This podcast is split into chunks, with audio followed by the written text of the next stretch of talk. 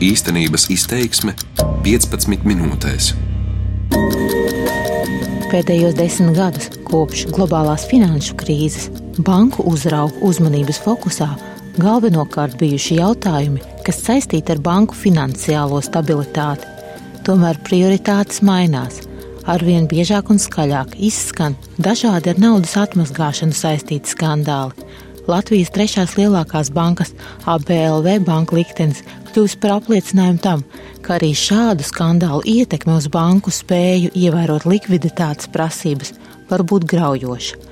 Vairāku konkrētu naudas atmazgāšanas gadījumu izskatīšanai un netīrās naudas ietekmei uz banku sistēmu aprīļa nogalē pievērsās arī Eiropas parlamenta īpašā komiteja, kuras redzeslokā ir izvairīšanās no nodokļiem un naudas atmazgāšana. Par tajā izskanējušajiem secinājumiem šajā raidījumā īstenības izteiksme. Irānai un Ziemeļkorejai noteiktā starptautiskā sankciju režīma pārkāpšana, aizdomas par piesakšanu politiskā līmenī, ilgstoši ignorēta caurumi uzraudzībā, žurnālistes slepkavība, esošā banku uzraudzības modeļa trūkumi. Šie ir daži no iemesliem, kuru dēļ starptautiskās biznesa preses uzmanības lokā pēdējo mēnešu laikā nonākuši naudas atmazgāšanas gadījumi divu nelielu Eiropas valstu, proti Latvijas un Maltas bankās. ABLV banka gadījums īpaši Eiropas parlamenta uzmanību izpelnījies arī tādēļ, ka šo banku tieši uzraudzīja Eiropas centrālā banka. Arī vienotā noregulējuma valde, tas ir institūcija, kam jāveicina Eiropas finanšu sistēmas stabilitāte, no šī gadījuma guvusi vairākas mācības.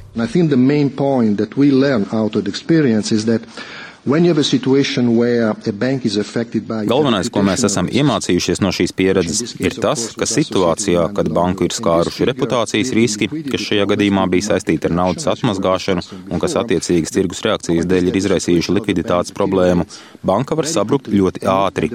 Proti, banka ļoti ātri var nonākt situācijā, ka tā sabrūk vai visticamāk sabruks. Tas nozīmē, ka noregulējuma iestādēji ir ļoti maz laika, lai pieņemtu kompetentu lēmumu lēmumu. Tas ir mūsu galvenais secinājums. Atgādināšu, ka ABLV banka gadījumā no dienas, kad mēs saņēmām brīdinājumus par potenciālu naudas atmazgāšanu, līdz dienai, kad bijām spiest secināt, ka banka sabrūk vai visticamāk sabruks, pagāja tikai desmit dienu. Eiropas parlamenta īpašās komitejas rīkotajā uzklausīšanā atzina par stratēģiju un politikas koordināciju atbildīgais vienotā noregulējuma valdes loceklis Mauro Grande. Līdz šim par banku sistēmas stabilitāti atbildīgās institūcijas nesot pievērsušas pietiekami lielu vērību uzraugāmo banku biznesa modeļu iespējamai ietekmei uz konkrētu banku stabilitāti. Acīm redzot, ir noteikti biznesa modeļi, kas ir vairāk pakļauti reputācijas riskiem vai naudas atmazgāšanas riskiem. Šo biznesa modeļu ietekmēšana nav mūsu, tas ir noregulējuma iestādes varā. Taču mums ir jābūt brīdinātiem par šo biznesa modeli. Iespējams, mūsu dialogā ar uzraugošajām iestādēm nāksies vairāk fokusēties uz šo biznesa modeļu ietekmēm uz reputācijas riskiem. Jo, ja mēs esam brīdināti par šādu risku iespējamību, mēs varam labāk sagatavoties gadījumiem, kad šie riski materializējas. Zinot, ka būs jārīkojas ļoti ātri, mēs varam labāk tam sagatavoties.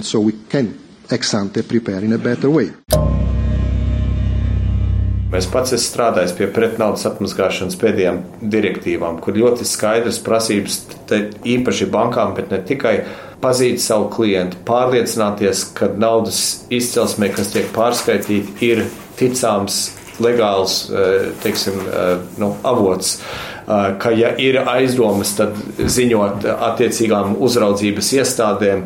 Mēs to visu esam rakstījuši, viss tas ir strādāts, viss tas ir pieņemts visā Eiropas līmenī, bet tajā pašā laikā nu, šķiet absolūti nestrādā. Saka Krišjānis Kariņš, viens no diviem Latviju pārstāvošajiem Eiropas parlamenta deputātiem, kas darbojas īpašajā komitejā kas fokusējas tieši uz dažādu finanšu noziegumu un nodokļu apiešanas problemātiku. Pēdējos gados naudas atmazgāšanas un terorisma finansēšanas novēršanai tiek pievērsta pastiprināta uzmanība. Prasības šajā jomā ir kļuvušas daudz bargākas, Tomēr banku nozare un tās uzraugi arvien biežāk izpelnās kritiku par nespēju apturēt netīrās naudas plūsmas. Īpaši asu kritiku izpelnīsies Malta. Nelielajā vidusjūras salu valstī, kur dzīvo vien mazliet vairāk nekā 430 tūkstoši iedzīvotāju, darbojas 22 bankas. Viena no tām, Pilatus Banka, starptautisku atpazīstamību iemantoja pēc tam, kad pērnā gada oktobrī tika nogalināts žurnāliste Dafne Karauna Galīcija, kas vairāk kārt bija norādījusi uz Pilatus banku vadības saistību ar Maltas politiķiem. Šā gada martā, tas ir vairākus mēnešus pēc Galīcijas nāves, kļuva zināms, ka 2015. gadā Maltas premjerministrs Josefs Muskats apmeklējis Pilatus banku valdes priekšsēdētāja Irāņu izcelsmes biznesmeņa Saieda Alisādra kāzas Itālijā. Tas radījis aizdomas, ka naudas atmazgāšanā iesaistītā Pilatus banka piesakta visaugstākajā politiskajā līmenī, taču Maltas banku uzraugi to noliedz, apgalvojot, ka bankas licencēšanas procesā Irāņu izcelsmes īpašnieks rūpīgi pārbaudīts un nesot bijis nekādu iemeslu bankai licenci neizsniegt. The EU framework does, current, does not currently provide precise criteria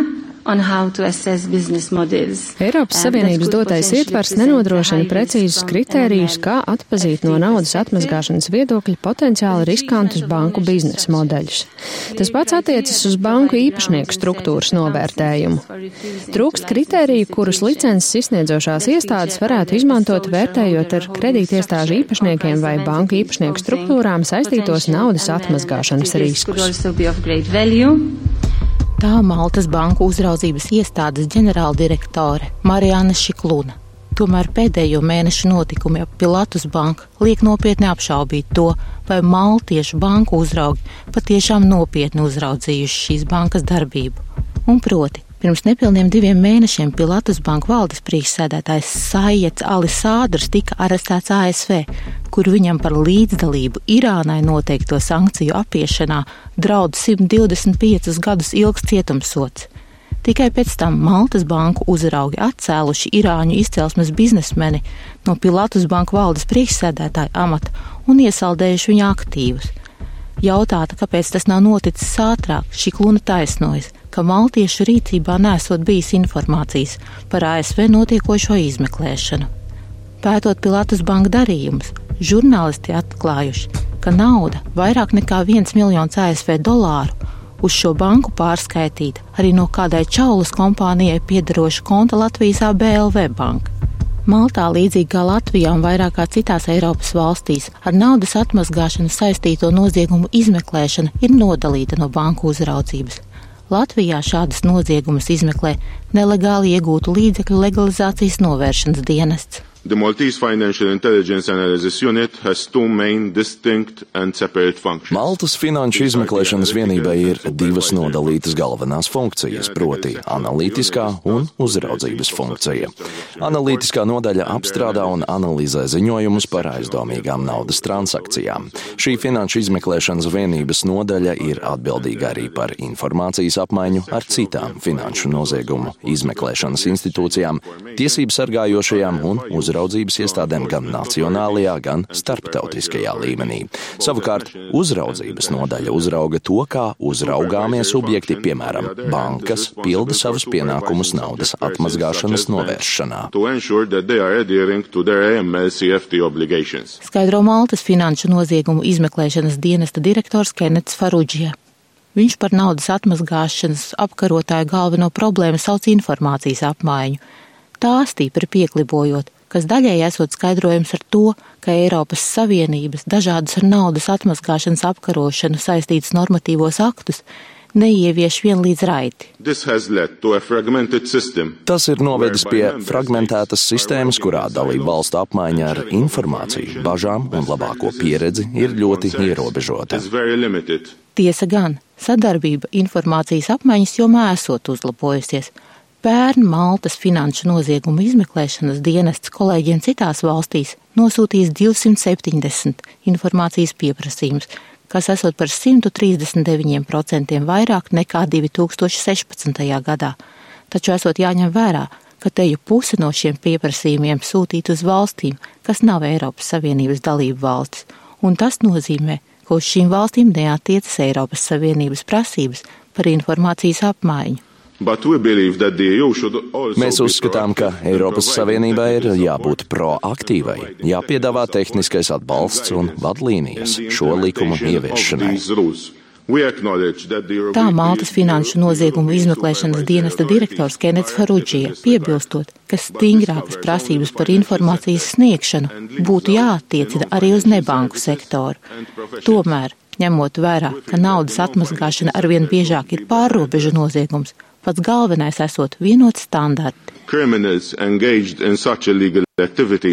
Noziedznieki, kas iesaistīti šāda veida pretlikumīgās darbībās, labi zina, ka ne visas valstis vienlīdz sekmīgi spēja apkarot šādus noziegumus, un viņi ņem to vērā. Eiropas banku iestādes pārstāvis Pīrs Habens uzsver, ka centieni ieviest vienlīdz stingrus standartus naudas atmazgāšanas novēršanā notiek jau kādu laiku. Mēs esam izdevuši vadlīnijas par riska faktoriem. Iespējams, tas izklausās nedaudz garlaicīgi, taču, manuprāt, tas ir svarīgi. Tās ir 72 lapuses, kurās aprakstītas detaļas, kas finanšu institūcijām, tostarp bankām, jāņem vērā, novērtējot naudas atmazgāšanas riskus. Šis rīks ļauj arī banku uzraugiem novērtēt, cik labi viņu bankas tiek galā ar riska vadību. Tas ir ļoti bagātīgs informācijas avots, kas palīdzēs visiem banku uzraugiem rast kopīgu nostāju par risku novērtējumu. Mēs esam sagatavojuši arī uz riskiem balstītas uzraudzības vadlīnijas. Tā ir nedaudz plānāka vadlīniju versija - 17 lapuses, kas tapušas, lai palīdzētu atbildīgajām iestādēm pieņemt izsvērtus lēmumus par ar finanšu institūcijām saistītu risku novērtēšanu. Protams, uz risku analīzi balstīta pieeja nozīmē, ka jūs prioritāri pievēršat uzmanību lielākajiem riskiem. Tomēr, kā izriet no Eiropas parlamenta īpašās komitejas sēdē izskanējušajiem banku uzraugu izteikumiem par efektīvāko risinājumu naudas atmazgāšanas apkarošanai Eiropas Savienības bankās, tiek uzskatīta šī uzdevuma uzticēšana Eiropas centrālajai bankai, kas jau tagad uzrauga Eirozonas valstu nozīmīgākās bankas. Eiroparlamentāriešu secinājumi būs pietiekams pamats sākt diskusijas ar Eiropas komisiju, spriež Roberts Zīle, Eiropas parlamenta īpašās komitejas viceprezidents. Šīs komitejas, taks trīs komitejas Eiropas parlamentu mērķis ir uh, izdarīt politisku izvēli un teikt, spiedienu uz Eiropas komisiju kaut ko mainīt šajā situācijā. Atrast visām Eiropas Savienības dalību valstīm pieņemamu risinājumu gan nebūšot viegli. Tas, ka atsevišķas valstis naudas atmazgāšanas kontroli labprāt paturētu savā ziņā, neesot noslēpums jau tagad. Bet uh, nav noslēpums. Aizkulisēs, teiksim, tā kā ir uh, Eiropas, Eirozonas, tā skaitā lielas valstis, kas nevēlas šo funkciju centralizēt. Jo? Jo, uh, viņi aizbildinās ar to, ka, lūk, tā sakot, nu, angliski tas ir law enforcement, tātad likuma, kā lai saka, nu, pie, nu, piespiedu kārtā, teiksim, realizācija, ka to var darīt nacionālā līmenī labāk. Protams, tā varētu uzskatīt, bet mums jāsaprot, ka Eirozona ir viena, nu, viena monetāra savienība. Atšķirībā no lielajām Eiropas Savienības dalību valstīm, kuru nostāja attiecībā uz naudas atmazgāšanas kontroles funkcijas uzticēšanu Eiropas centrālajai bankai ir piesardzīga, mazās valstis drīzāk ir noskaņotas atbalstoši.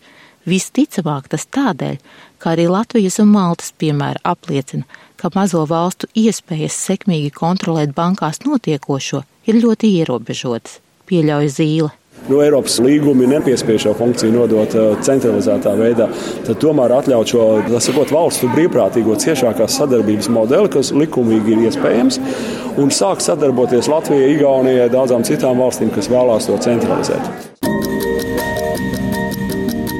Naudas atmazgāšanas kontrolas centralizēšanai varētu būt vairāki plusi. Piemēram, tas mazinātu aizdomas par finanšu noziegumu piesekšanu politiskā līmenī, kā arī ļautu piesaistīt lielākus naudas un cilvēku resursus šāda veida noziegumu atklāšanai.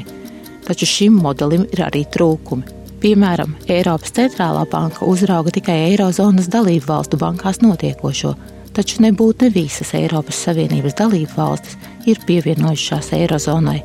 Tas nozīmē, ka naudas atmazgāšanas prasību ievērošana būtu centralizēta tikai daļēji, un arī cerētais rezultāts visticamāk tiktu sasniegts tikai daļēji.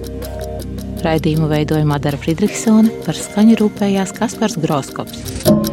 Darbības vārds īstenības izteiksmē izsaka darbību kā realitāti tagadnē, pagātnē vai nākotnē, vai arī to noliedz.